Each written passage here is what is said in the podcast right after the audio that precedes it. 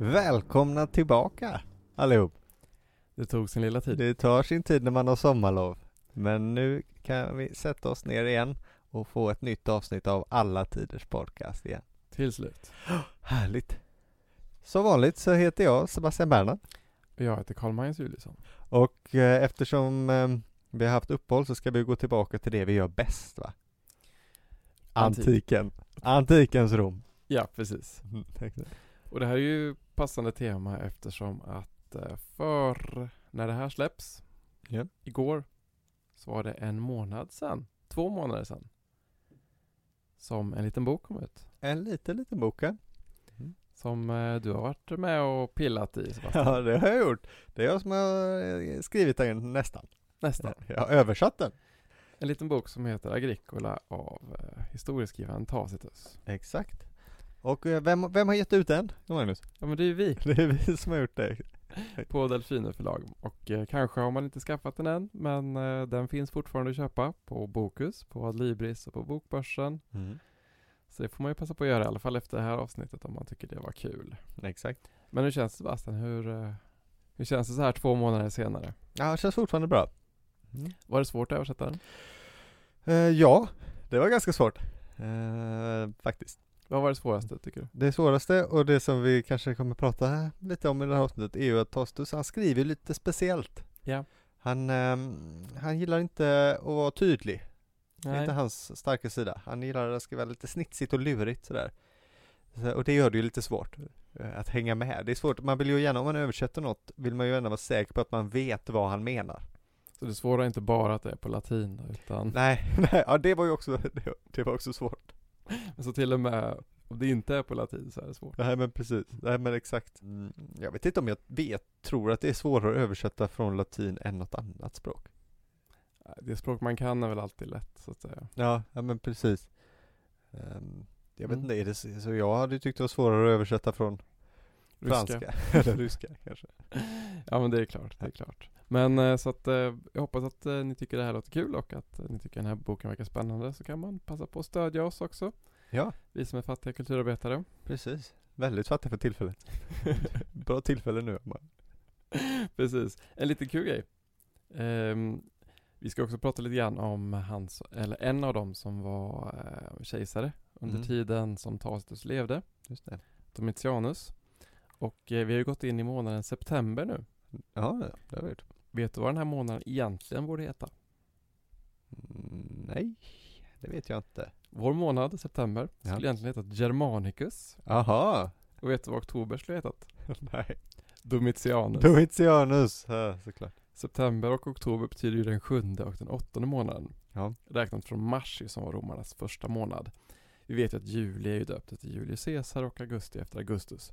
Och eh, Domitianus, efter att ha firat två triumfer, gav han faktiskt september och oktober sina namn. mm. Germanicus till september, den månad han steg på tronen. Och Domitianus till oktober då han föddes. just det. Men varför det inte heter så, det kommer vi komma fram till. Det kommer, det kommer ni få höra. Ja. Ja. Han var en ödmjuk kille, Ja, Domitianus. men så att man eh, i ett parallellt universum så hade vi gått in i Germanicus nu. Ja.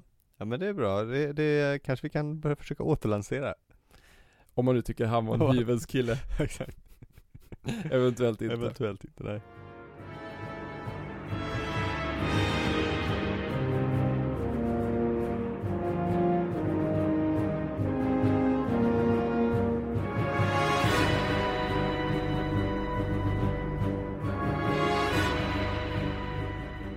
Men ska vi börja lite grann, vem, vem är Tacitus då för den som inte känner att det är ett household name? Nej, precis. Nej, exakt. Historieförfattare brukar man säga. Men, eh, och det gör man med rätta.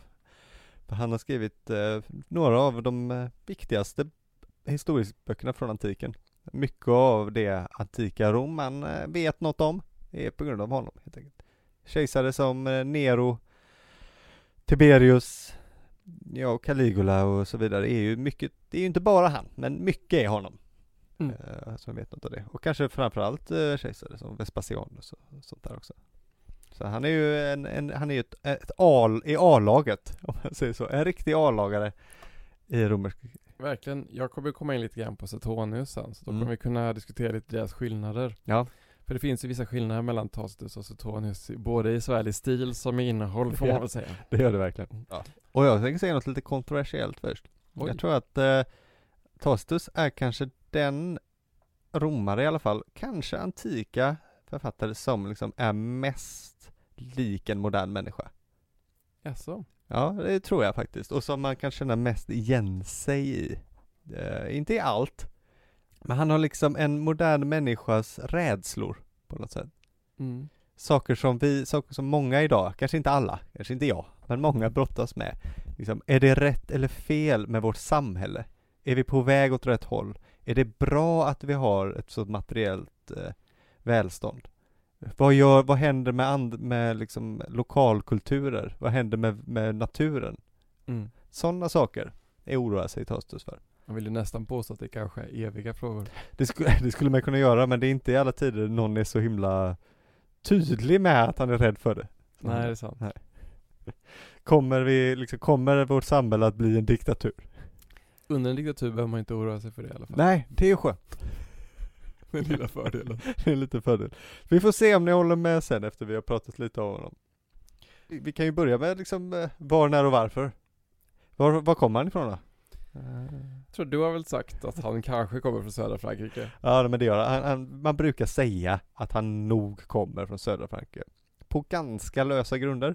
Han gifte sig med en tjej från södra Frankrike. Och där, det är beviset eh, om man säger så. Mm.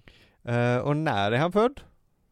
Cirka 55 va? Cirka 55, men man vet inte det heller. Men vi säger 55. Ja, 56 har jag skrivit i min eh, bok, i boken Agricola, Mm. men det är också cirka. Ja, det kan ju vara lite lurigt det där. Jag vet att jag, att jag sökte på Suetonius.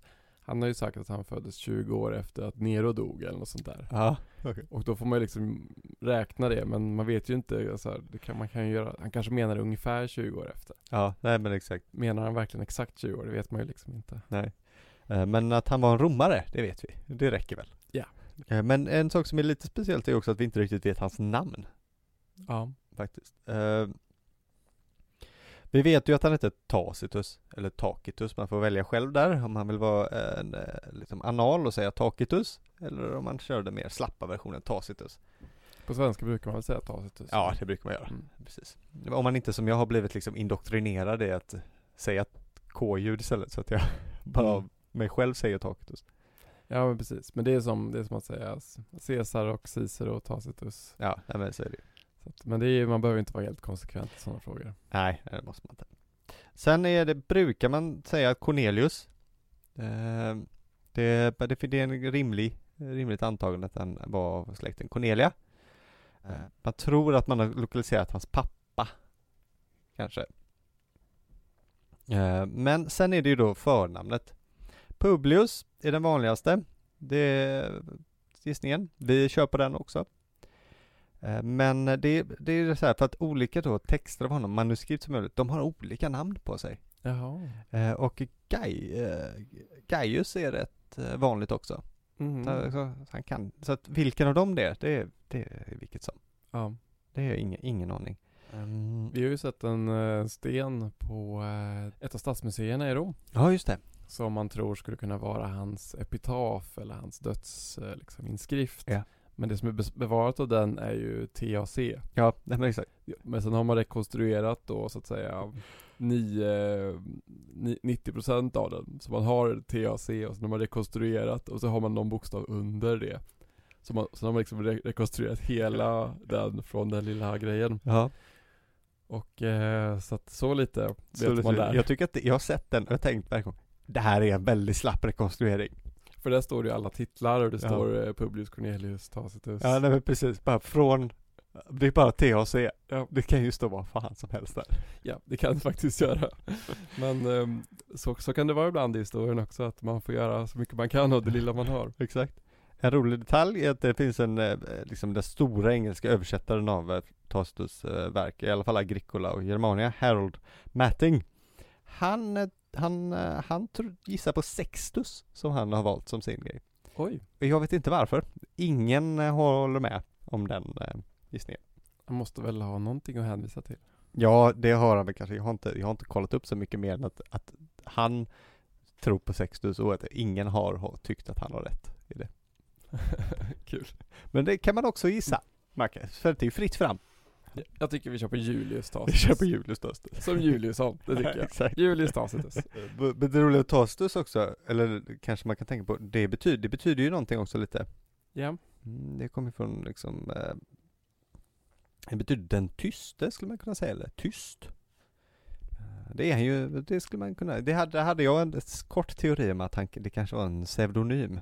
Mm. Men sen kom jag på att det finns ju massa brev skrivna till honom och sådär, så det är det ju inte. Men, Men ett artistnamn. men det kan vara ett Men artistnamn. hans polare kanske kallar honom det som liksom, Ja, ja, men exakt. ja. Så det är ganska bra, för att han skriver ju om rätt eh, förbjudna saker.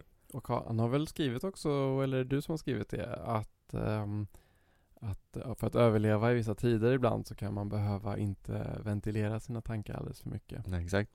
Och då är det bra att vara tyst. Och han tycker ju en del kritiska tankar om makten och sånt där. Nej men precis. Som man kanske inte ska ventilera all, allt alldeles för högljutt. Nej, så det är en spännande teori tycker jag. Den tycker jag man kan, man behöver inte tro på den, men man får, man kan spekulera i den. Det går åtminstone hand i hand med hans verk. Ja, exakt. Ja, men även om Tassos bakgrund då är lite okänd, eh, hans uppväxt och sånt där, så är det, så vet man desto mer om hans karriär. Det är bra. Det är ju skönt i alla fall. Man vet faktiskt ganska mycket hans karriär och den var inte dålig. Inte pjåkig för en gosse från södra Frankrike.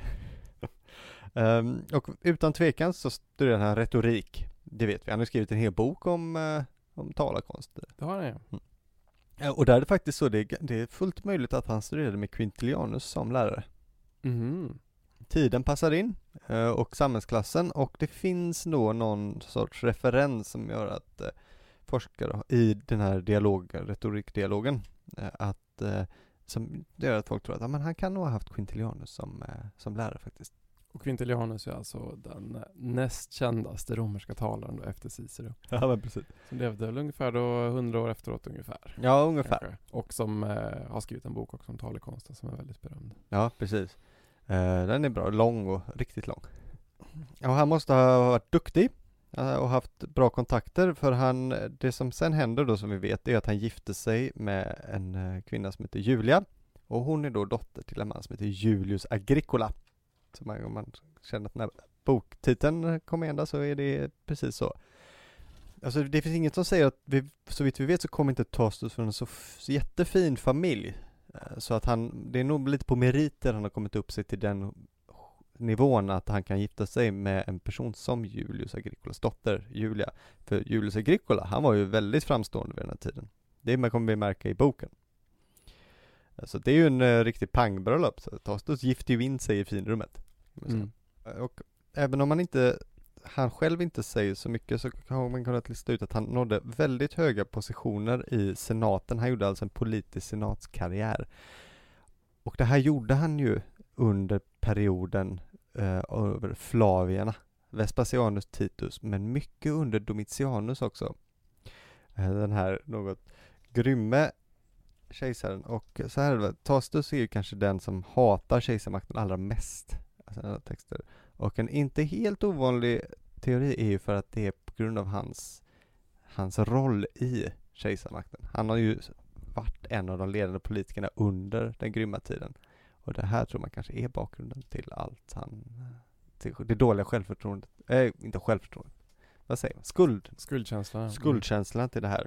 För det är ju rätt intressant faktiskt att man tänker det under kejsartiden att eh, alltså republik- republikanismen är ju inte död utan den eh, finns ju där hela tiden som en, en möjlighet och det, alltså även Claudius eh, diskuterar väl det i sin ungdom åtminstone liksom Ja. och eh, sönerna till Augustus eller Tiberius söner, Augustus söner. August, äh, Augustus adopt, äh, olika adoptivsöner och Ja, sådär. Germanicus och de Ja, precis. har ju det som liksom, i alla fall som ungdomsidéer att de svärmar ändå för en möjlighet till en republik. Och, Ja, eh, precis. och mycket av kejsardömet går ju också ut på att maskera diktaturen. Ja, ja, är det. Man låtsas ju att du är en republik väldigt ofta genom att det då ka- kallas eh, principat till exempel Mm. istället för kejsardöme och eh, så det finns, republikanismen är ju högst levande som en möjlighet åtminstone, så även om den inte funkar i praktiken då eftersom att diktaturen är också lockande för många starka män.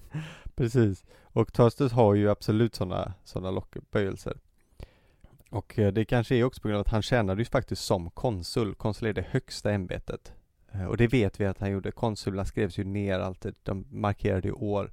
Och det är så vi ju också då förstår att han har når, når politikens absoluta finrum. Han innehar det högsta ämbetet under kejsaren. Men Mm. om det hade varit republik så hade det ju varit det bästa. Ja men precis, det är som att vara president men det finns en, eh, en kung bakom som egentligen bestämmer. Ja, exakt. Och de var ju alltid två år, och så två kons- konsuler då. Ja, att, eh, precis. Eh, och det här är han den först i sin familj att göra. Så han lär ju varit stolt. Det är ju coolt. Det är, det är faktiskt coolt. Så. Eh, och det sker år 97, det är alltså året efter att Domitianus har mördats. Ja, ja, ja. Så då, det är då han kliver upp på något sätt. Så om vi tänker oss där, man får måla upp det, att han har levt och gjort en politisk karriär under det här väldigt grymma styret och antagligen har haft, eh, behövt göra saker, kanske tjänat på att göra saker som han inte borde. Domitianus dör, och vi kommer att prata mycket mer om honom. Då tar Tacitus två stora kliv i sitt liv. Han blir konsul, han blir alltså eh, direkt superhög politiker som president i princip. Eller premiärminister kanske är bättre ord. Och han börjar skriva. Mm. Och det gör han, allt det här gör han alltså efter den grymma tiden. På något sätt. Så han skriver alltid bakåt. Vår historia måste ju börja där. På något sätt. I slutet av det, den jobbiga tiden. Så att det blir ju något sätt, um, blir väl ett sätt för honom då också att äntligen ta ton och berätta Alltså också vilket tillstånd han levt i. Det blir- någon slags förklaring också för sitt Exakt. eget agerande och hur tyst han har varit under denna, Exakt. liksom, detta tyranni. Precis, eftersom han ju är den tyste. Ja. Eh, Och det här gör han med Agricola, det är hans första bok. Och i den så kommer ju alla de här frågorna väldigt, väldigt tydligt upp till tal. Bra debutbok. Väldigt bra debutfot faktiskt. Faktiskt. Även om de flesta har lite sådär slappent brukar säga att han mognar med åren. Eh, Jo, jo, men det är en stark öppning. Det är en stark öppning, det tycker jag också. Jag hade varit nöjd. Det är också min debut på något sätt eftersom jag ju aldrig har liksom gett ut någonting eller sådär. Så Det är ändå passande då. ja, precis.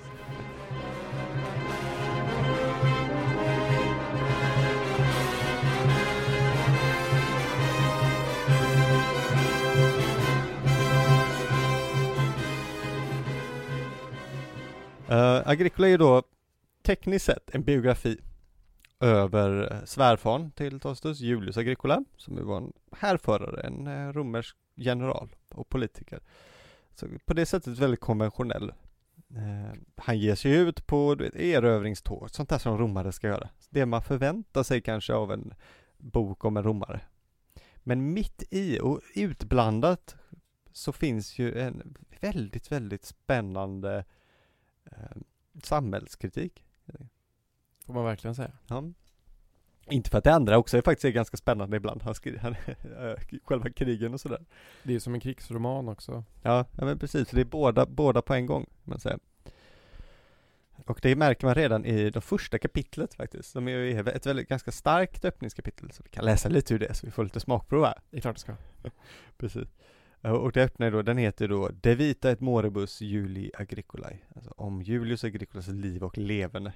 Det är titeln på boken egentligen. Och jag berättar då att, eh, skriver att, eh, att berätta om stora män, deras handlingar och levnadssätt är en gammal sedvänja som inte ens vår tid har kunnat överge, trots att den inte fäster något hänseende vid sina egna. Så han ska, det, han ska börja berätta om en, om en stor man, det är det han ska göra. Sen är han, han är ju redan i, i första meningen negativ mot sin egen tid. Precis. Kul tycker jag. En Så- tid som inte värderar eh, storhet. Nej enkelt. precis. Men det är sådär, om man förväntar sig Tacitus och hans bitterhet så får man det i mening ett. Ja, och så säger han att det var annorlunda hos de som levde innan oss. Ehm, De hade ju för vana att handla på ett sådant sätt som var värdigt att minnas. Ja.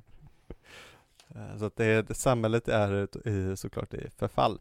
Och sen så kommer det i kapitel två. Och där, nu blossar han ut. Redan direkt, allt man vill ha. Säger han så här. Vi har läst att när Paetus Tresea blev hyllad av Aurulenus Rusticus och Priscus Hevidius av Herennius Senecio, det här är lite romerska författare va? ansågs detta vara ett majestätsbrott och inte bara författarna väckte ilska utan även deras verk. Därför gavs det åt triumvirerna att bränna dessa lysande intellektsmonument, både på folkförsamlingen och på forum. som om man trodde att det skulle gå att med denna eld avskaffa det romerska folkets röst, senatens frihet och kunskapen om människans natur. Väldigt fint översatt också. Ja, tack! Ja, tack! Tycker det låter eh, otroligt bra det här. Ja, pampigt. Ja men det är ju så, det är ju det, det, är det den här boken handlar om också. Att eh, det här är ju, det här är ju den tydligaste, tydlig bild av tyranni, diktatur man kan få. Ett bokbål. Det är väl liksom, det är väl det främsta man tänker, en av de främsta saker man tänker nästan. Verkligen. Mm. Det är intressant, jag tänkte inte på det innan, men jag tänkte på det nu när du sa det. Att um, om man läser um, uh, Staten av Platon. Ja. Själva moralen i den är ju att uh, för att få goda medborgare, som man vet är goda och inte falska, så mm. måste det finnas en god stat. Att det, att det är liksom relationen mellan staten är det som påverkar människornas karaktär. Ja, ja. Det är det som är Sokratets slut, uh, liksom, slutsats. Mm. Och det här finns ju verkligen den, den relationen också, liksom att i den här korrupta staten så finns det inga goda människor förutom då Agricola som är den enda människan som lyckas liksom, han är det enda undantaget i en stat som på föder och ger upphov till korrupta, utsvävande, dekadenta människor. Ja men så är det, exakt så är det precis. För det är det, den här boken är ju på något sätt lite en handbok kan man säga också i att hur ska man agera då? Om jag är en god människa och vill leva ett gott liv, men jag lever i en korrupt stat, hur ska jag göra? Eh, uh, Tastus är ju inte den som nödvändigtvis tycker att man ska göra uh, onödigt motstånd. Liksom. Meningslöst motstånd är inte hans, uh, hans poäng. Det, det, kan vi se i en väldigt, väldigt bra passage faktiskt, eh, som är något mot slutet av boken, men ändå. Jag ska se om jag kan hitta den snabbt. Här. Det här är då alltså att eh, Agricola då, han mjuknade eh, Ändå mjuknade han av Agricolas återhållsamhet, det är kejsaren som ju mjuknar, då han inte provocerat fram sitt öde eller sin berömmelse genom envishet eller tomt skryt om frihet. Så han, det är liksom, bara för att du är en god person ska du inte hålla, det ingår ju inte i godheten att vara en skrytmåns va? Nej, verkligen inte. Låt alla de som beundrar laglöshet veta att det kan finnas goda män även under dåliga kejsare. Dessutom kan inställsamhet och återhållsamhet överträffa de lovprisningar genom vilka många blivit berömda efter att de utsatt sig för faror och en död som inte är till någon nytta för staten, om därtill finns flit och vitalitet. Det är spännande passage, alltså att de blir berömda av en död som inte är till någon nytta för staten. Så att om du, han, äh, Tostus menar ju inte att du ska bara för, om du lever i en diktatur så finns det ju ingen poäng att bli en martyr bara. Om det inte finns någon mening med det. Där kan man också följa Tacitus eget exempel då. Exakt. Du ska höja och ta ton när tiden är redo. Det vill exakt. säga när kejsaren är död. Ja, precis. Ja. Ja, han har ju sina passager också där han inte, där han är inte så negativ till kejsarmakten. Som den här väldigt lismande passagen. Nu återvänder dock äntligen förnuftet och, och i början av denna härliga tid lyckades kejsaren Nerva att kombinera två saker som tidigare ansetts oförenliga, envälde och frihet. Och eh, hans efterträdare Trajanus ökar dessutom den, dagligen denna tids lycka. Han vet när man ska smöra också. Det vet han absolut. Mm. Det var ganska roliga tycker jag den här passagen. Även en kritiker vet när han måste um, sm smörja sina ord. Ja, exakt. Men det som händer, handlingen i den här boken då, utspelar sig framförallt i Britannien. Och på många sätt är det det som har gjort, gjort den här boken sitt eftermäle. Just brittisk historia. Den här är ju en bok som framförallt har lästs på de brittiska öarna och i USA där man har tagit med det arvet på något sätt. För att det är där handlingen utspelar sig. Man behöver ju klart inte vara britt bara för att läsa den. Nej, det, det, det, det, jag skulle nästan säga att det är lite tråkigt att det har blivit så. Faktiskt att eh, de, de delarna har fått sånt stort utrymme när de egentligen är mer bara setting än, än själva handlingen. Men, ja, det är också spännande. Vi får veta lite om Britannien, men saker som ja, spännande men inte natur, naturligtvis så korrekta. Nej. Men eh, för Julius Agricola han skickas ju till Britannien som general, som soldat först och sen senare som general och han eh, är ju fantastisk då såklart. Han erövrar ju och kuvar ju den här ön som ingen annars lyckas. En ö som ju annars är ökänd bland romarna för att den är vild och otämjbar. Ökänd. Ökänd, ja. ja, vad roligt. Förlåt. Mycket bra, mycket bra. Väldigt roligt faktiskt. Jag tänkte inte på det. Jag hörde den. Ja, du, hörde den. du missar aldrig en, eh, en ordvits. Inte när det är så bra. Ah, gud. Jag försöker åter, eh, återfinna mig i min, min harang. Ja men, ehm, det är klart, Agricola är ju bäst liksom, så han, han, han klarar ju biffen. Han, han slår ner alla, alla brita, britt, britter. Han lyckas begå ett par, minst ett eh, regelrätt folkmord på vägen. Ah, ja. Ja det, är- det är tråkigt men ta oss gå snabbt vidare. Eh, men det, det som är spännande också, för nu återkommer då det extra spännande. Att även om det är då en hyllning till Agricola och hur duktig han är och hur bra han är på att slåss och kriga och han är ju bäst på att skapa fred också efter kriget såklart. Så är det någonting som går förlorat va? Det är systemet är fel. För att vad händer va? När Agricola har erövrat Britannien? Jo, britterna blir ju romare. Men Rom är ju ett korrupt samhälle. ja. Men- Och då säger de så här va. Agricola han uppmuntrade dem, britterna, så privat och hjälpte dem offentligt. De konstruerade tempel, torg och hem genom att han berömde de snabba och sa till de lata på skarpen. Därigenom blev det hela en strävan efter framgång snarare än nödtvång. Utöver detta lät han de förnämsta söner utbildas i de fria konsterna och höja, dem, och höja britternas geni över gallernas flitighet. De som tidigare hade avvisat det romerska språket började nu eftersträva vältaligheten. Ur detta kom de att sätta ära i våra klädnader och började bära tåga. Det är alltså de blir romare. Men vad hände då? Jo, bit för bit förföll allt till lastbara lockelser. Portiker, bad och eleganta middagar. Detta kallades för kultivering bland de okunniga, när det egentligen var en del av slaveriet. Ja. Ja, för så är det va? Mm, De blir mesar, veklingar. De kan inte göra uppror längre för de har köpts av det korrupta systemet. Kapitalet! I en annan tid skulle det vara, i det här fallet är det kejsaren. Exakt. mm. Så är det, och det är ju det, det, som, det är det som är styrkan va, i den här texten, att när vi går vidare så har vi det här i bakhuvudet, för Agricola han ska ju göra det som ingen har gjort förut. Han ska längst bort i världens ände och kuva kaledonierna skottarna, alltså, de bor i Skottland. Och de är ju extra vilda, det vet ju alla än idag. Ja. Finns väl fördomar om skottar att de Man lite... tänker på um, Groundskeeper Willie i Simpsons. Ja, exakt, precis sådana. Och det är väl så, sådana tänker jag att de är i den här, så jag tänker att de ser ut så i den här. Agricola han marscherar i alla fall upp dit va.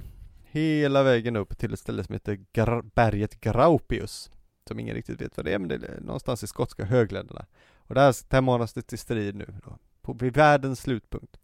Och då dyker upp en karaktär, en karaktär som heter Kalgacus, som blir ledare för kaledonierna.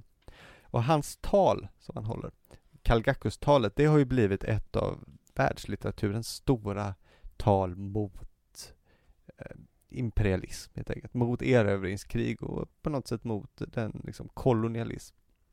En slags sinnebilden för ett inspirerande tal för sina trupper. Ja, verkligen, verkligen också. Alltså det är ju, det här är ju eh, bakgrunden till Braveheart-talet, till, den, till den, den typen av scener.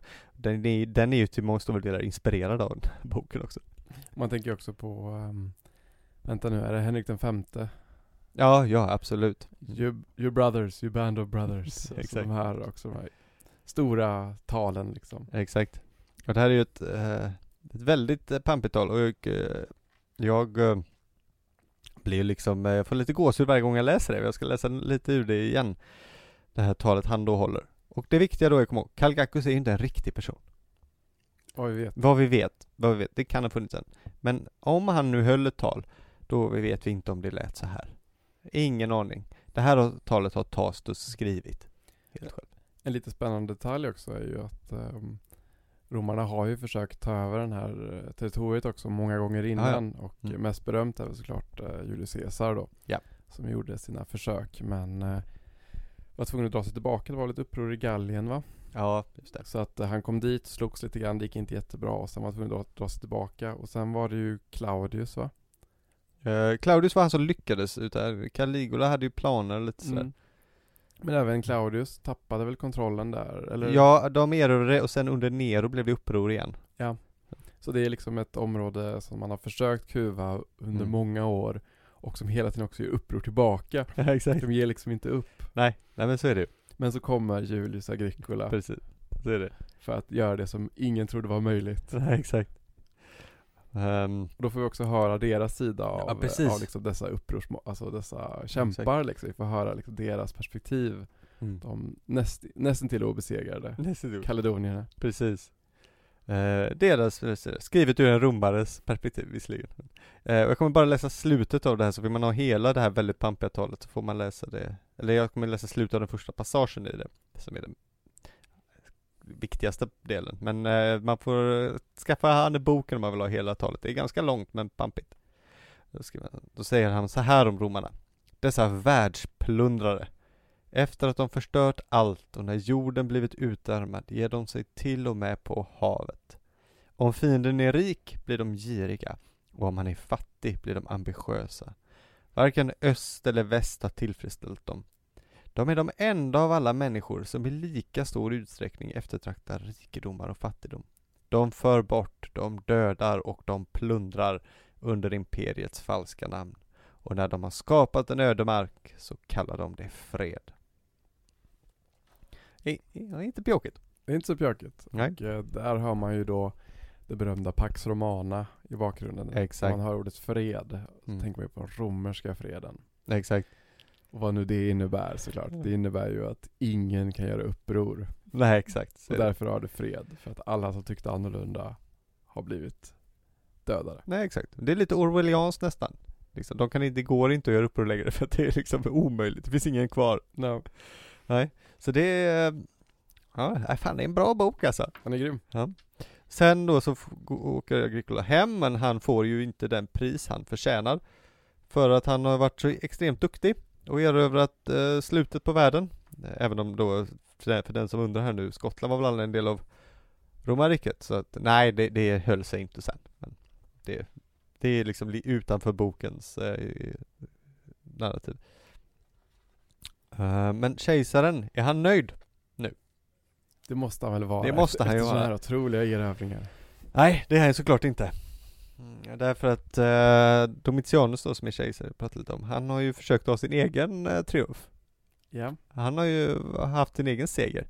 Fast det var ju inte på riktigt va? Va? Han hade ju inte erövrat någon. Han hade ju bara köpt massa kostymer, det är sant. Och klätt ut folk till germaner. Inte så bra. Inte så bra. Och då säger Tacitus så här. Men nu hade det skett en sann och stor seger. Med så många fiender slaktade skulle det firas med ordentliga upptåg. Det var detta som ledde till den största ängslan, att en privat mans namn skulle höjas högre än kejsarens. Förgäves tystade man forums affärer och de medborgerliga konsternas heder. Om någon annan hade vunnit militär ära skulle andra saker kunna ignoreras lättare. Men tapperheten hos en god ledare var kejserlig. Problemet är att Agricola är för bra. Han är farligt bra, faktiskt. Ja. Eh, Det är tur väl att eh, han också har lärt sig att vara ödmjuk, Agricola. Så han kommer ju helt enkelt inte hem och skryter. Han gör inga, utan han smälter in och, och lever ett stillsamt liv. Och det är så boken sen pus, pusslar ut på något sätt.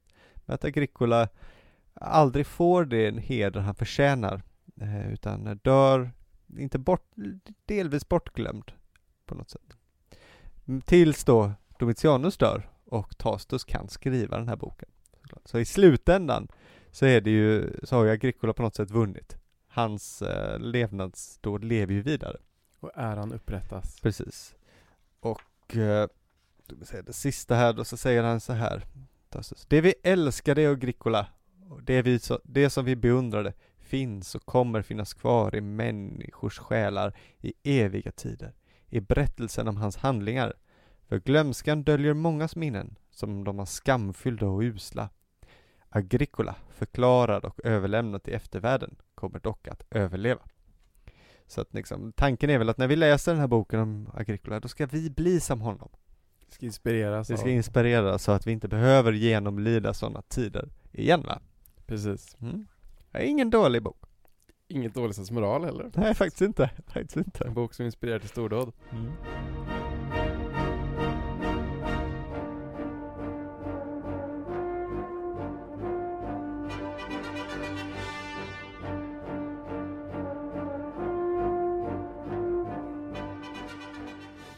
Ja men precis, vi har ju sagt nu att Agricola utspelar sig ju under en kejsare som heter Domitianus. Han, eh, han är ju lite av skurken i det här dramat. eh, Ja, det kan man ju verkligen säga. Och han föddes ju 51, år 51. Och eh, var det vill säga ungefär jämngammal med Tacitus som man ju tror föddes då omkring 55 eller 56. Mm. Han blev kejsare 81 och han tog ju över efter en ganska busig tid i romersk historia. Alltså Domitianus tillhör ju den flaviska dynastin som du nämnde precis. Mm. Och eh, kommer ju verkligen från en riktig kejsarfamilj får man ju säga. Kan man säga. Hans pappa var ju kejsaren Vespasianus. Eh, som var den första kejsaren att inte komma från en aristokratisk familj. Jaha. Utan från militären, Vi kommer komma till det sen. Ja. Och efter Vespasianus blev ju sonen Titus kejsare och efter honom då brorsan Domitianus. Mm. Eh, Vespasianus satt ju tio år vid makten efter en otroligt turbulent tid som kallas fyrkejsaråret. Alltså då fyra kejsare byttes av under ett år. Och även detta har ju Tacitus skildrat i en bok som heter Historiae. Eh, I min utgåva heter det Maktspelet i Rom. Men, eh, och det här är ju en tid som då Tacitus beskriver som fylld av olyckor, förfulad av strider, förbittrad av tvedräkt, hemsk också när fred rådde. Ja, just det. Det kommer vi komma in på också, det är liksom en ganska intressant, typisk Tacitus eh, vokabulär ändå. Ja. Och eh, det här är alltså, hela den här rabalderna liksom uppstod i efterdyningarna efter Neros självmord. När han inser att allt är över. Och eh, vad ska man säga, det som händer här är att det uppstår lite av ett inbördeskrig mellan dekadenta, maktgalna människor som levt och verkat runt Nero. Efter Nero så är det ju en tjej som heter Galba som tar över. Som ju bara sitter sju månader. Ja, nej inte så länge. Men problemet här är att Galba hade ju inga barn. Så han beslutade att han skulle adoptera en kille som heter Piso, som inte var så himla jättekänd och kom lite från sidan typ. Ja. Och då finns det då en kille som heter Otto, som var väldigt nära vän med Nero. Och eh, som du brukar lyftas fram var, var eh, väldigt lik honom. Ah. Alltså, alltså sexuellt utlevd, dekadent, sedeslös på alla sätt och vis. ja, härligt. Så att eh, han tycker ju att det är han som har rätt till att ta över efter Galba. Ja. Han borde vara kejsare. Så han såg till att både döda Piso och döda Galba och eh, sätta deras huvuden på pålar och utse sig själv till kejsare. Mm. Bra. Klart och löst. Inga mer problem, men ja. Och det är ju inte bara Otto som vill bli kejsare. Och eh, hans regeringstid blir bara några månader. För i arméerna i eh, Renområdet, där har man redan utsett en annan kejsare. Ja, typiskt. En kille som heter Vitellius. Och eh, Vitellius armé är ju dubbelt så stor som Ottos. Ja. Det ser inte bra ut. Nej, och det här, om, det kan vara bra att påminna sig om att på den här tiden har man ju inte en statlig armé under romartiden, som man har idag kanske. Utan den är ju privat och bygger då väldigt mycket på lojalitet men också på vem som kan betala för sig. Ja, nej men det är klart. Den är ju liksom, när, när Augustus liksom pratar, när man pratar om hans armé så är det ju hans privata armé. Ja. Som han betalar och arvoderar och som, är, som han då kanske har lett i olika strider och slag och sånt där också. Så att liksom det blir väldigt, man kan, det kan finnas många arméer samtidigt liksom. Och till slut blir det inbördeskrig då, även om Otto då försöker hindra det. Och när då Otto inser att han har förlorat så tar han livet av sig i sitt sovrum. Ja. Efter var det fyra månader sa vi? Ja, tre, tre eller fyra. Tre eller fyra. Mm. Och då blir Vitellius kejsare. Men även Vitellius är ju en buse som fostrats i Neros närhet. Ja. Alla de här är ju bara busar. Så här skriver Tacitus. Hos Vitellius härskade överallt oordning och dryckenskap. Mer likt nattsudd och orgier än disciplin och fälttjänst. Nej, det är som dig. Nej, det är inte sant faktiskt. Nej, du det är du kan kombinera nattsudd och disciplin. sant. Ja. Så mycket orgier blir det ju inte. Nej, kanske inte. Men inte heller Vitellius regeringstid blir lång. För under sommaren, ungefär samtidigt som Vitellius tågar in som segrare i Rom, har de östra provinserna istället utropat Vespasianus som kejsare Mm. i den så kallade flaviska revolten. Så att eh, ytterligare en person då tycker att han har rätt till den här eh, kejsarskapet. Ja. Och inbördeskriget är återigen ett faktum. Och Vespasianus, ja, han besegrar ju också Vitellius trupper. ja, han är ju en, eh, han är liksom en bra kille. Och han kommer ju då från militären då så att han har väl eh, någon form av eh, lojalitet där då säkert. Ja, och, ja, eh, precis. har varit en framstående militär. Vitellius har ju då, um, han vet ju hur det brukar gå i de här striderna som att han också har gjort det så att säga själv. Ja. Så att han försöker att abdikera för att rädda sig. Mm. Men tvingas tillbaka till kejsarpalatset. Och det finns berättat att Vitellius faktiskt klär sig i smutsiga kläder och försöker fly bland tjänstefolket. Nämen. Men soldaterna hittar honom, släpar honom till Forum Romanum, där han torteras och dödas och kastas i Tibern. Lite ovärdigt. Inte så snyggt. Nej. Och Vespasianus blir kejsare. Mm. Och allt det här händer alltså på ett enda år. Just det. Galba blir kejsare, mördas av Otto som blir kejsare, som tar livet av sig. Vitellius blir kejsare, som mördas och Vasp- Vespasianus tar över till slut. Och Vespasianus ska ju sedan sitta i tio år, då han faktiskt dör naturlig död. Ja, det är ju skönt. Det är inte så ofta. Så här började det ordna upp sig. Det är han som bland annat bygger Colosseum ju ovanpå Neros gyllene palats, där det hade legat. Och den stora Nero-statyn, som heter kallades Colossus. Så det är den statyn som Colosseum har fått sitt namn ifrån. Så det har ju inget att göra med att Colosseum skulle vara stort och kolossalt. Nej, just det. Utan det är ju den här statyn som Colossus som var kolossal. Och den hette ju inte Colosseum egentligen heller. Den hette ju den Flaviska amfiteatern eller Ja, just det. Så det är men ett klatschigt namn som klart, såklart lever kvar. Ja. Så nu är vi alltså hos Tizianus pappa. Mm. Och efter Vespasianus blir hans son Titus kejsare på ett fredligt sätt. Och han var också en väldigt populär kejsare. Just Men eh, Titus och Domitianus har ju ingen bra relation. Nej. Det finns ju en allmän inställning eh, att eh, Vespasianus favoriserade Titus rätt rejält alltså. Ja. Och han var väl också den som var tilltänkt att ta över såklart. Ja, nej men precis. Och Titus dör ju i en sjukdom faktiskt, när han var 41 år. Mm. Så att han blir ju inte mördad. Hur länge satt han? satt inte länge, något år. Ja, något, alltså jättekort Mm. tid liksom. Och då tar Domitianus makten. Ja. Och jag tänkte jag skulle fokusera lite på extra på han då som i Agricola av Tacitus utmålas som den stora skurken då, som ju är kejsar Domitianus. Han beskrivs som våldsam och impulsiv, Mm. men kanske framförallt avundsjuk och missunnsam. Ja. Och eh, andra kejsare under fyra kejsaråret, alltså Galba, Otto och Vitellius, de hade ju Tacitus ingen direkt personlig eh, erfarenhet av. För hans karriär började ju under Vespasianus och eh, upplevde sig alltså hans regeringstid men också Titus och Domitianus. Och typiskt Tacitus är ju att han inte bara skildrar hur pissigt det är i tider av kris och inbördeskrig. Han är också rätt bra på att kritisera fredstid. Exakt. Och i Agricola beskriver han tiden under Domitianus som en slags övervakarstat.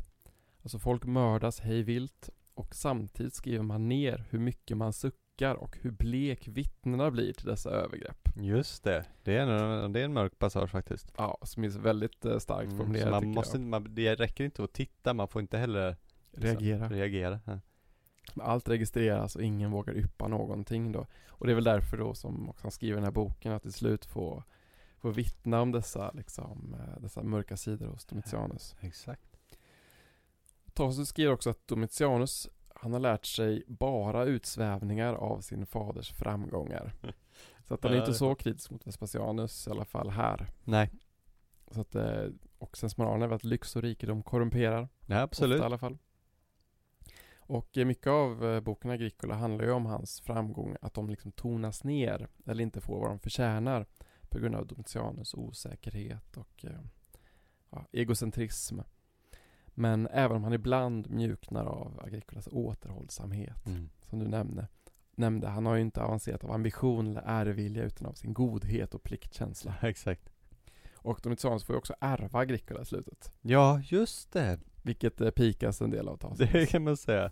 Var det bara en dålig kejsare för att ärva en god far? Ja, precis.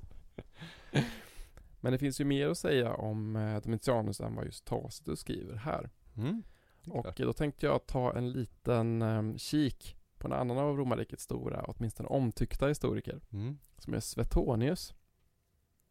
Och det är en ganska stor skillnad på Tacitus och Svetonius får man ju säga.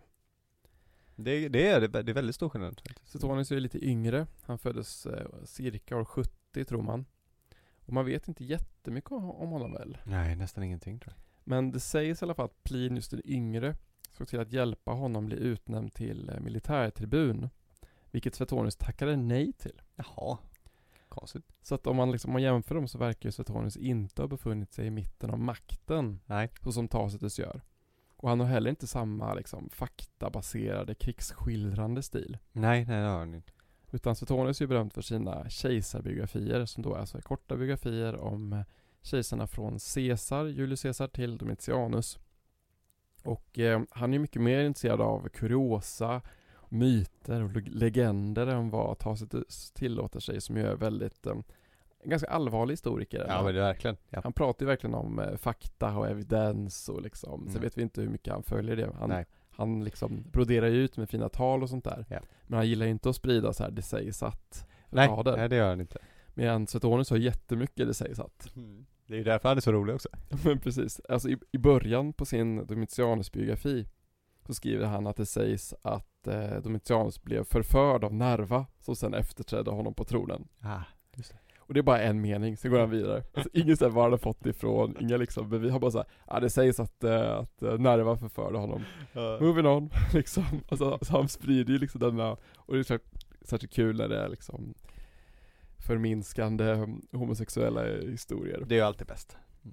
Och det är ju från Suetonius som många av de här värsta och sjukaste ryktena har förmedlats till våra dagar om Tiberius och Caligula och Nero såklart. Och så vidare. Och jag tycker det är ändå en ganska intressant karaktär som Suetonius målar upp. Eh, Suetonius skriver att han var väldigt eh, skicklig på att spela blygsam när han var ung Mm.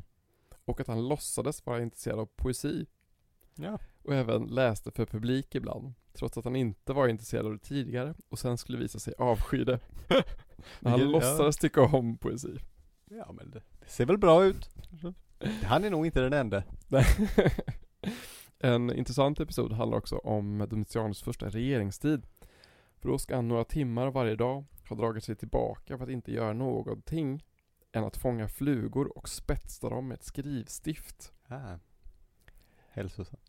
Och då finns det en kille som heter Crispus som då ska ha skämtat när någon frågade om någon var med kejsaren. Och så sa han Inte en fluga. En typisk Suetonius-anekdot Just med ett skämt på slutet. Det är ju väldigt ofta Suetonius har skämt också. Och eh, som är rätt, rätt skojig ofta. Eh, Domi- Domitianus förbjöd också kastreringen av män. Ah, ja. Och såg även till att eh, kastrerade män på slavmarknaden blev billigare då för att eh, sänka efterfrågan på det. Ja just det. Så det verkar ha varit en grej. Att kastrera män? Japp. Ja framförallt slavar. Du vill ju inte riskera att de ligger med din fru. Men tappar de inte lite av sin, ehm, sin power då? Ja kanske. Jag vet inte. Jag har inte träffat så många kastrerade. Men det sägs väl att de har libidon liksom. Jo, jo det är väl en risk kanske. Och testosteronet. Ja. Men eunuck, eunucker har varit populära i många kulturer och tider. Ja, det är sant. Mm. Men det tycker, det tyckte inte Domitianus om. Nej. Nej, ja, men det var väl lite sympatiskt. Ja. Domitianus är också känd, vilket eh, Tacitus också nämnde, för att han rensade i leden. Alltså han motverkade ju korruption också. Ja. Men eh, man fattar ju att det blev lite dålig stämning. Och eh, Suetonius skriver att han var omsorgsfull och nitisk i sin rättsskipning. Och ofta höll extra rättegångar på forum. Ja. Så att man kan ju se det som en positiv sak och en negativ sak. ja, det kanske beror på vad, vilken sida man står på. Ja, om man är den som om man står i ledet som rensas. Tråkigt. Eller om man som Suetonius kanske sitter och har det gött Ja, någonstans. exakt. Ja, men så är det väl. eh, han hade också ett anspråk på att vilja höj, höja den allmänna moralen. Mm, Sägs det. fint, fint. Och när han var ung så avskydde han att spela blod. Och ville inte ens att man offrade oxar. Nej, okej. Så att han var inte en skit redan från början. Men sen när han blev kejsare ska det ha förändrats. Men eh, ja, han var ofta generös i början på sin kejsartid. Men sen slog oegennyttan över i vinningslystnad Mm. och mildheten slog över i grymhet. Som ju Tacitus skildrar också. Men eh, enligt Suetonius ska han också ha ohämmat hängivit sig åt sina lustar och kallat kärleksakten för sängbrottning. Ah. Det var inte det värsta jag hört. Men, eh, Suetonius gillade inte att han jämförde med någon form av fysisk aktivitet, så Nej. att det var liksom träning. ja, nej, nej visst. Så att man tar en springtur så tar man lite sängbrottning sådär. Ja. Och han ska även ha tagit bort själv då generande hårväxt på sina älskarinnor Mm. och även sim- simmat med simpla slinkor. det var quote. Ja, det var bra. Ja, det får man inte, behöver man inte göra sig skyldig till. Och eh, Domitianus ska också ha blivit väldigt sadistisk och eh, till och med införde en ny form av tortyr. Att bränna könsorganen med eld. Ja, aj. Det, är också, det går ju lite emot att han förbjuder kastreringen. Ja, lite liksom. Men det går bra att bränna folks könsorgan. Mm. Ja. Många får också händerna avhuggna. Mm. Mm. Så att han ska, vara, han ska bli mer och mer oberäknelig också, vilket gör det lite läskigare och eh, jobbigare att vara nära någon som man inte vet hur de ska reagera riktigt. Nej, verkligen. Typiskt för Tonus är också alla omen och järtecken som eh, kommer med i historierna. Och det finns en rolig historia då som rör en astrolog som heter Askletarion. Han hade gjort någon förutspåelse och eh, Domitianus ville lite sätta honom på plats. Så han Ja. frågar då den här siaren hur han kommer att dö. Mm. Han svarar då att han snart ska bli söndersliten av hundar. Ja. Domitianus tänker då, äh, jag ska bevisa honom fel. Mm. Så han lät döda honom. Ja, bra. Men eh, skulle då förbereda honom för en korrekt begravning. För att visa att han har fel. Just det. Men medan man då förbereder ceremonierna, alltså man ska, man ska ju kremera honom då, brä- bränna honom då liksom. Så blåser det upp till storm och Mm. då blåser likbålet omkull. Ja. Och så Ja. kommer en massa Ja, hundar det är och river i stycken. ja, det är klart det gör. ja. Så att, eh, och då blir jävla dumt. men då blir Domitianus inte så himla nöjd för att eh, Nej, det är klart. det visar ju sig att de här grejerna måste man tro på. Ja. De här tecknen och eh, det kan ju vara lite oroande. Nej, men verkligen. Verkligen. Hur dör han då, Domitianus? Jo, det blir en sammansvärjning. Som det brukar bli när um, tyrannerna sitter på makten. Ja, de lever ju knappt sällan länge. Nej. Och eh, en som var nära Domitianus, han låtsas då ha ont i armen. Och hade den därför lindad som ett eh, bandage. Ja. Men i det gömde han en dolk. Mm. Så han sa då till Domitianus att han hade information om en sammansvärjning som han ville delge honom. Mm, smart. Men ändå överlämnar den här då förkunnelsen. Tar han fram sin dolk och sticker honom mellan benen. Ja. I underlivet står det. Ja, ja, visst. står det hos Suetonius. Och eh, det blir fight och det kommer massa slavar och så börjar de bråka massor. Och han dör till slut. Mm. Vi pratade i början om eh, att han nu ändå gett månaderna nya namn. Ja, just det. Varför heter de inte så idag då? Ja, vad är det? Vad är jo, det lätta svaret är att ingen gillar honom. För när han dog tog folket emot det med likgiltighet. Mm. Nej. Några militärer eh, hade lite, ja, med lite sympati och sådär. Men folket brydde sig inte. Och senatorerna var väldigt glada. Just det. Och de såg till och med då till att krossa och riva ner alla bilder på kejsaren. Så han dömdes alltså det som brukar kallas damnatio memoriae. Det vill säga att alla inskrifter som syftar på honom skulle raderas ut och allt som påminner om honom ska utplånas. Det är liksom ett straff då att man eh, ska försvinna bort från historien och ingen ska komma ihåg honom eller vad han har gjort eller hans namn eller vad han har byggt eller eh, något i den stilen. Vilket ju är ett ganska hårt straff. Det är ett hårt straff ja. Mm. Och jag gissar att man då borde ha tagit bort namnen på månaderna kanske. Ja, det kanske var där då man gjorde det. Mm. Kanske var lika bra. Ja. Så det här är liksom eh, motpolen då till Agricola, den som han måste hela tiden navigera runt och mot. Precis, exakt. Uh, sen gick ju inte det där Damnatio Memoriae så bra egentligen, för vi vet ju vem han är. Ja, Ja. precis. Det brukar bli så till slut så. Och det är vi glada över. Jag tycker ändå att allt ska väl få vara med i historien. Ja, precis. Det finns en, en, en del att, att eh, Domitianus var ju faktiskt i Rom under fyrakejsarslaget. Uh, fyrakejsaråret, hela året. Han var alltså i Rom medan hans pappa var på väg dit Mhm. och befann sig under livsfara. Även där finns det många då historiker som har velat vara lite schyssta mot Domitianus och menar att han liksom blev så traumatiserad av den perioden. Och framförallt hur han eh, såg liksom hur senaten hela tiden bytte sida varje gång liksom, det gick bättre för en eller en annan. Att han därför tappade liksom Mm. tron på det. Jag tänkte lite på det när, när vi pratade om Agricola här, varför han inte gillar den här framstående militären Nej. som har dessa succéer långt borta. Exakt. Han kanske tänkte på Vespasianus, sin ja, far. lite kanske. Att så här, tänk om han gör som hans farsa gjorde. Liksom kommer militärerna från öst och ehm, tar över kejsarposten. Han trodde kanske att Agricola ville bli kejsare. Ja, men det trodde han nog. Det Mm. trodde han nog verkligen. Då hade ju Tacitus blivit kejsare. Det hade Kanske. han kanske blivit. Kanske. Kanske. ja. ja, men det hade varit spännande. Det finns ju en kejsare som heter Tostus. Mhm. Som lever långt senare på 200-talet någon gång, som menade sig vara släkt med Tostus. Han menar det själv då? Ja, den kejsaren. Men det kan mest vara för att han ville vara släkt med en kändis. Ja, klart. Han satt inte länge. Det var under de där perioderna när, när det inte gick så bra. Alltså det känns som att bli kejsare är ju nästan lite som att vilja dö. Ja, lite så. Mm. det är ändå konstigt att man vill bli det för att eh, man får ändå följa erfarenheten att eh, alla andra som har blivit det, det är ju väldigt få som har satt suttit länge. Nej, de är några. Eh, Typ tre. Eh, Men Augustus satt ju väldigt länge. Augustus satt länge, Konstantin satt länge. Det är också hundratals år där men Ja, ja, ja, nej visst. Det är faktiskt 300 år. Ja. Eh, Men jag tror att medellivslängden på en kejsare är under ett år. ja, det är ju, det, jag har svårt att se att man, jag kommer vara undantaget. nej, nej, exakt. Nej, troligtvis nej, inte. Troligtvis inte, nej.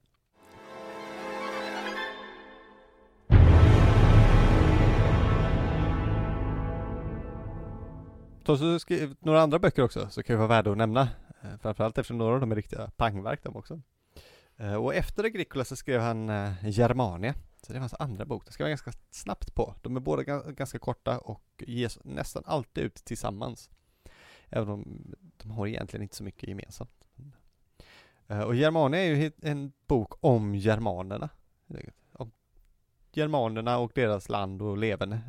Så enkelt är det. Det är en etnografisk text helt och hållet. Så den har ingen handling egentligen. Alltså som Agricola som har det här kriget då. Nej precis. Eh, Agricola har ju också lite utläggningar sådär om folk och sådär. Men i i Germania är det bara rakt upp och ner. Så det här är germanerna liksom. Eh, man, man tror att den kan ha skrivits av två anledningar och det ena är att Trajanus hade precis blivit blivit kejsare när det skrevs och han var liksom på gränsen till germanen. Ja, och med många folk i Rom som sådär, varför kommer inte eh, kejsaren hem? Då var det viktigt att skriva, visa på liksom att germanerna, de är, behöver man hålla koll på. Man kan inte bara sticka hem och tänka att det löser sig. Ah, det är smart. Mm. Och det andra kan ju också vara då för att han, han ställer ju hela tiden eh, germanerna mot romarna. Och germanerna har ju mycket det då som romarna har tappat. Germanerna är starka och de är fria och de är dygdiga. Medan romarna har blivit feta och korrupta och ja, allt sånt där. Du vet. De klassiska grejerna. Ja, precis. Germanerna är ju verkligen ädla vildar i den här eh, boken. Eh, det är spännande i sig att det är en så himla gammal företeelse. Och den är bara uppbyggd så att första halvan handlar lite generellt om germanerna och i den andra halvan så går det igenom enskilda folkslag av germanerna successivt då, så han går från det närm- ju när, de som bor närmast romarna och rör sig bortåt till de som bor längst bort. Och ju längre bort han kommer ju så fär, ju mer galna blir ju beskrivningarna på något sätt. Och ju vildare blir ju också eh, germanerna. Eller då i slutet är, han inte ens, är de inte ens germaner riktigt men, men eh, de blir ju vilda, riktigt vilda för längst bort bor ju Fenny. Eh, Det är de som bor längst bort. Ja, vad är det då? Fenny, jo det är ju då eh, finnar helt enkelt. Eh, ordet är väldigt, eller samer. Eh, Rör kanske, det är ju så här då att ordet finne, eller finsk och sam, de är ju egentligen besläkt Alltså det är ganska nyligen som vi har separerat de två. Även på äldre svenska kallas ju samerna för finnar också. Eh, och fornnordiska ordet som är eh, finner, som är då finn, land kommer från, är, betyder samisk. Aha. Eh, Och språken finska och samiska är ju besläktade så att det, var, det är långt senare som man har separerat dem. Det var väl någonstans när liksom, det blev en skillnad mellan nomadisk och bosatt kanske. Alltså, kulturerna var ju så annorlunda. Men eh, så att vad Fenny är, det här är ju riktigt länge sedan. Så att, eh, det är väl det. De är ju, de, då, då beskriver han ju då så de liksom de, de har ju inget civilisation då i Tostus. De har varken vapen eller hästar. De lever bara av jakt.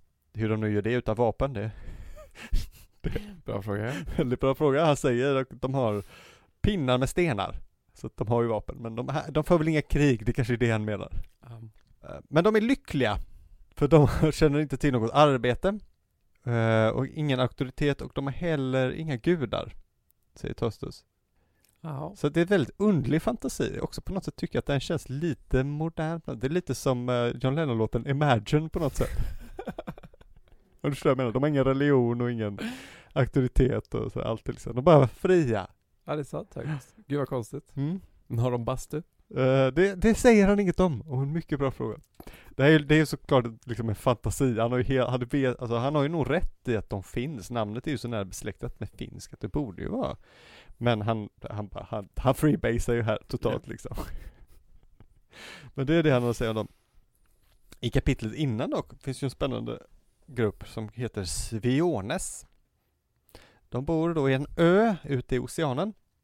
Och där kan man lägga till då att romarna trodde ju att Skandinavien var en ö. Ja, ja. Att Sviones har något med svensk att göra, det här är en så kontroversiell fråga att man kan röra på det. Jag är kanske av åsikten att namnet är så pass likt och att de uppenbarligen bor på samma ställe så att säga att det inte finns någon koppling är magstarkt ja lite ja. kan vi säga. Mm. Eh, sen hur allt har hä- hängt är väl lite, det får väl upp till var och en men De här har dock en enväldig kung. Så det är lite speciellt, ja, det finns ju en i Sverige så inte enväldig då men en kung i alla fall.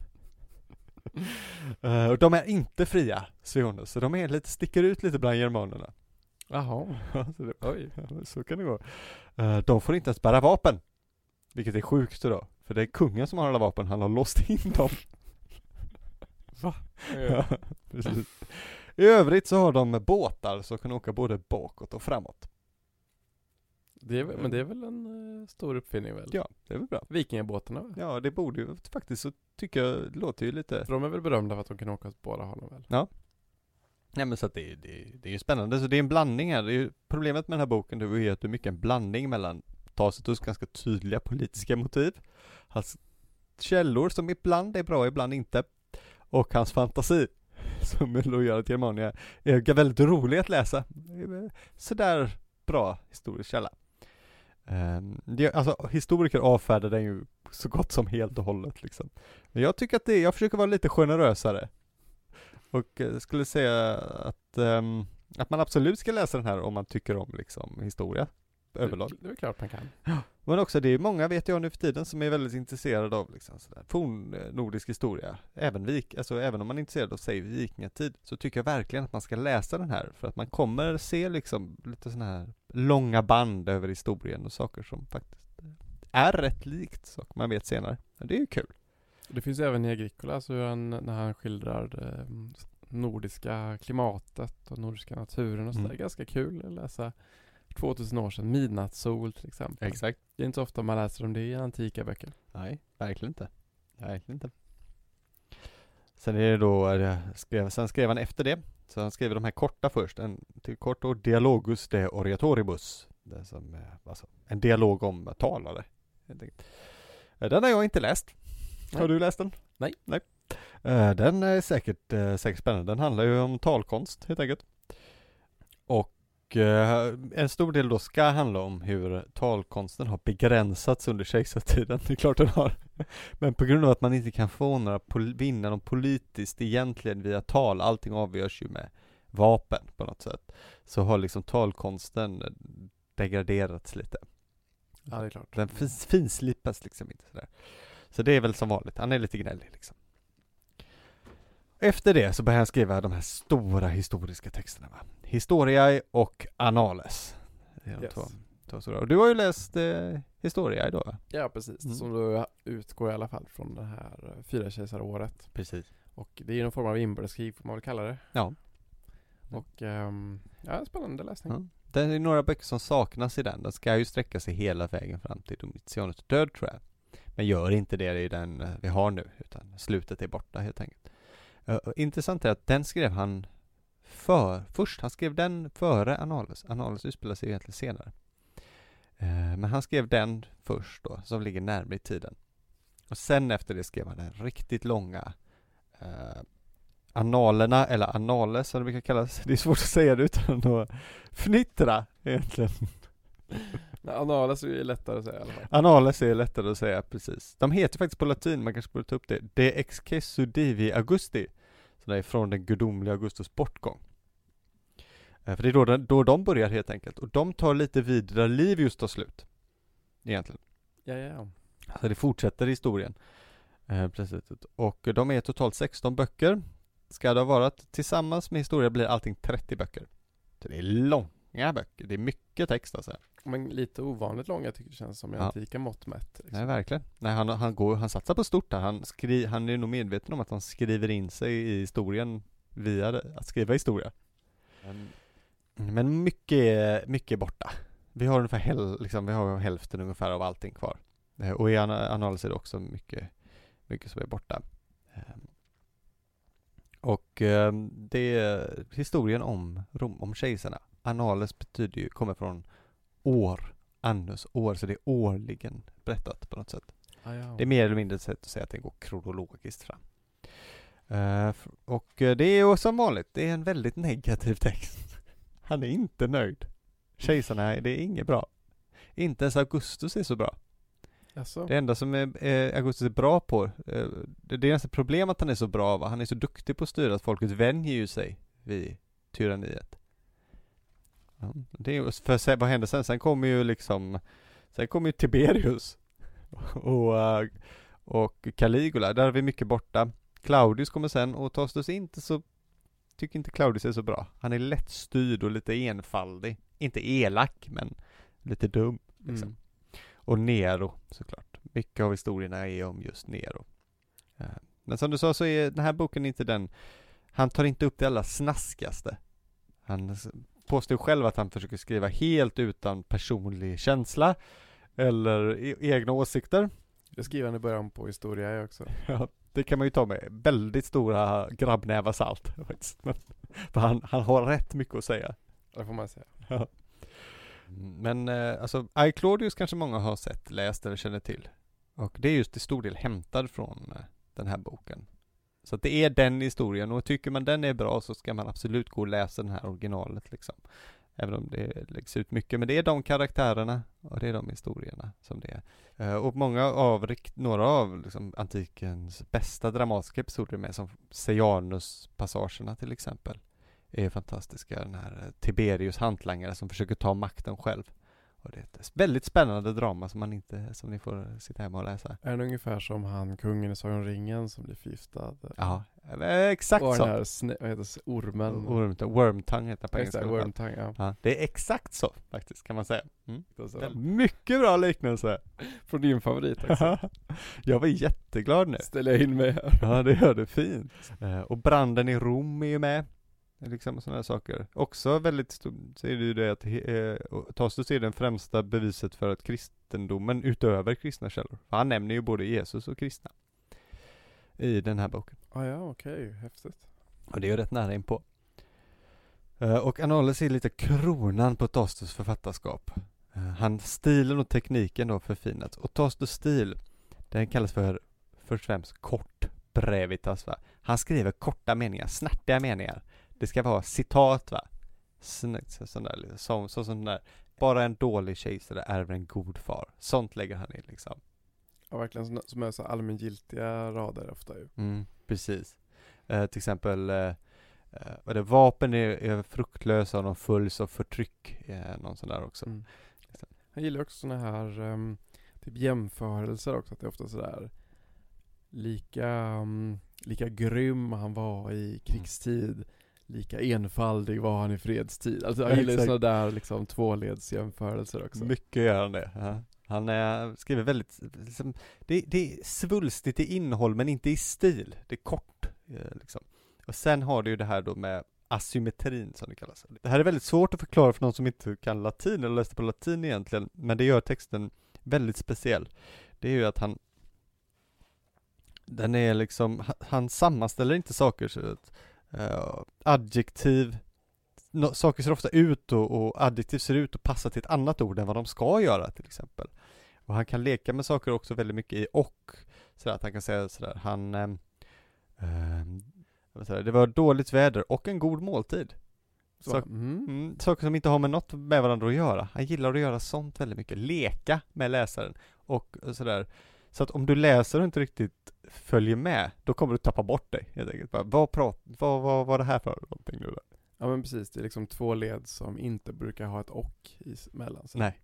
Ja, sånt där gillar han att göra väldigt mycket. Eh, och säger, det är en väldigt, det är en väldigt höglitterär stil. Den är väldigt svår att tänka sig som talspråk, utan det är väldigt, väldigt stil, stilmedvetet. Det gör ju också honom eh, bra på många sätt, eh, skulle jag säga. Eh, men svår. Lite svår, och det ska man inte, det behöver man inte liksom ljuga om. Han är svår även på svenska ibland. Eh, Och det har, den har ju tagit sin spets i analet, Han utvecklar den ju under hela texten och där är den ju som allra mest, kan man säga. Mm, eh, och det är ju en, eh, en otrolig, otrolig text. Han, Tostus Tostes har ju det som få romerska författare få antika. Han kan sin dramaturgi liksom. Berättelserna är inte, det är, ibland kan ju antika texter vara lite matande. Men det är det aldrig här, utan det är, det är alltid spännande, filmiskt ofta. Han kan bygga, han bygger upp scener mycket och sånt där. Som gör att det bara flyter fram och det är spännande. Det är, så är ju verkligen Agricola också. Det är som Mm. en film väldigt mycket med eh, tydlig början, tydligt slut, tydlig liksom eh, höjdpunkt. Ja. Liksom hur slagen byggs upp och liksom, eh, ja men den, men väldigt så här, alltså eh, han har liksom en helhet för, framför sig känns det Mm. som. Nej, verkligen. Det är spännande. Även om romerska biografier har också en väldigt märklig eh, tendens som både finns faktiskt i Agricola men också i Suetonius biografier. Det är att man berättar om hur någon ser ut i slutet. Ja, det är konstigt. Alltså för så är det ju Agricola och så Ja. är det även i, när man läser Suetonius att så här, först kommer jag menar, han föddes då och då och sen när ungdomen var han så här och sen blev han kejsare och så gjorde han så här och sen blev han mördare och så här. Han var så här lång och hade rött hår och lite stor mage och eh, får- han haltade så, bara, så kommer det bara, bara precis efter att, liksom att allt är färdigt. Så är det i Agricola också. Ja, så är det Agricola också. Och så bara- Mm. Det är liksom en ganska märklig Ja, eh, konvention typ. För det är liksom, idag tänker man att man lägger det allra först för att liksom måla upp en bild. Ja. För man, nu har jag redan målat upp en bild av Agricola. Och säger att han var tunnhårig. Ja men det är han inte nu. Det är för sent. ja, det är väldigt konstigt. Lite dumt. Men också att de gör det liksom genomgående. Ja, det är sjukt alltså. Jag har inte tänkt på det där, men det är, det är inte så bra. Värt att nämna om Tostes också snabbt är ju hans eh, nära relation till Plinius den yngre. Som ju är mest känd, han bara känd i princip som brevskrivare och eh, då var han brorson väl till Plinius den äldre. Men eh, det är så vi vet mycket om Tostes, va? Plinius har skrivit väldigt många brev till Tostus. Och där kan vi få reda på att han var känd i sin samtid som en stor författare. För Plinius blir väldigt nöjd när någon har, när någon frågar honom, eh, någon frågar honom, vem är du ungefär? Säger Plinius, ja men mig känner du igen från mina texter. Sen, Jaha, är du, är det, kan det vara Tacitus? Eller han frågar, är det Plinius eller Tacitus? Ungefär. Men då är han så himla nöjd då för att, eh, wow, liksom, tror någon att jag skulle, liksom, skulle kunna vara Tacitus liksom, då är man ju riktigt känd. Vad kul. Mot slutet då, efter han börjat skriva slutet av sina grejer här då, då blir han ståthållare i Asien. Det är, ligger på Turkiets västkust och det här var den främsta positionen man kunde nå som ståthållare i hela Rom. Det var liksom det bästa, han, har han bästa man kan bli. Och han lär bli stormrik på det här, för Asien var skitrikt. Han verkar ju haft en kanonkarriär både som författare och som politiker. Ja, ja men verkligen. Verkligen. Eh, Kul för honom. Får man säga. Sen, det, vet- sen vet vi inte något mer. Han, när han dog vi, har vi ingen aning om. De sista händelserna i Annales utspelar sig, eh, nej, i his, de sista händelserna som beskrivs, det är i Annales ja, fast han talar liksom lite, inte om händelsen då utan något annat. Det är år 116. Så då måste han ju ha levt. Ja. Eh, liksom. eh, men sen efter det, nu ska vi- 130 sätts som maxgräns. Det är väl rimligt kanske. Mm. Men vem vet? Om du vill så kan du tro att han lever än. Men troligtvis så satt han på sitt gods där. Ja, men det gjorde han ju. Dog eh, naturlig död säkert. Ja, antagligen. Säkert nöjd över att, över att eh, folk läste hans texter. Ja. Men hans texter var ju sen så gott som okända eh, från Roms fall. De var kända under romersk tid, men de togs liksom inte upp i eh, kanon på något sätt under medeltiden och bevarades därför inte i särskilt många manuskript. Tvärtom, alltså det var en renässansman som upptäckte honom på 1400-talet. Han hette Poggio Bracciolini och är på många sätt en intressant figur så. Men eh, han hittade då, och Agricola fanns ju bara i en, ett enda manuskript Det är helt otroligt egentligen. på ett eh, kloster i Tyskland som heter Hersfeld. Och även Annales fanns också bara, det mesta av det fanns i ett manuskript. Så det är nära på va, att det kunde försvunnit. Det är på en hårsmån. Precis. Och, eh, men på grund av det här så tror, finns det ju några som tror att det är Bracciolini har hittat på Tacitus. Men det krävs ju att man är rätt duktig då på att skriva böcker. Ja, det krävs ju det. Det är inte sant, men det är roligt. Han måste ha varit en jävel på antiken i så fall om man skulle Ja. kunna fejka det. Ja men precis, men de tror, trodde ju då att det här är för att hitta på, för Poggio Bracciolini var ju väldigt republikansk själv. Så han då hittat på propaganda då mot kejsarstyre. Alltså, Monarki och sådär. Eller så blev han republikan av att läsa Tacitus. Så kan det ju vara Han faktiskt. läste det och jag kände så här: wow men det här är ju helt rätt. Ja, Det här går ju att applicera på min, eh, min tid. Ja. Som slut tänkte jag säga så här va. Eh, Tastus är ett bra ställe att börja om man vill ta sig an originaltexter från antiken, eller historien överlag. För de är spännande på ett sätt som kanske inte till exempel Caesars texter är. Många börjar ju med Caesar vet jag, börjar läsa Bello Gallico. Och de är långa och det är många delar av dem som är, kan vara lite underliga, som bara beskriver truppformförflyttningar och sånt där. Ja den är inte, Bello Gallico är inte superspännande. Det är ingen bladvändare. Nej. Men det är Tacitus texter. Framförallt Agricola, som är lite kortare. Så det är ett, eh, liksom betydligt mer lättläst än Vergilius och poesin. Och du har ju också gjort en väldigt eh, tillgänglig översättning också som är Ja, lätt, att, tack. lä- lätt att läsa. Och den- och den har lite kommentar på slutet där om man undrar vilka är ordovikerna? Så kan man slå upp det här och få veta att det är ett folkslag och vad de bor och sådär. Och ett fint förord med allt man behöver veta om Tacitus. Ja men precis. Så att, eh, väldigt bra ställe att börja.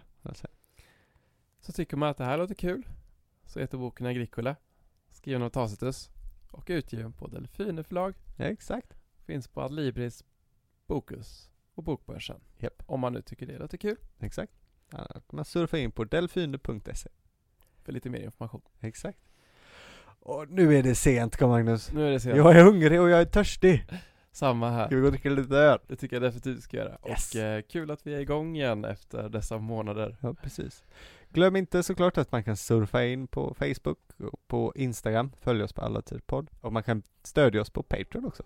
Den, finns, den är tillbaka igen. Den är tillbaka igen. Nu kommer den, vi, vi lovar. Ha det gott allihop. Ha det fint.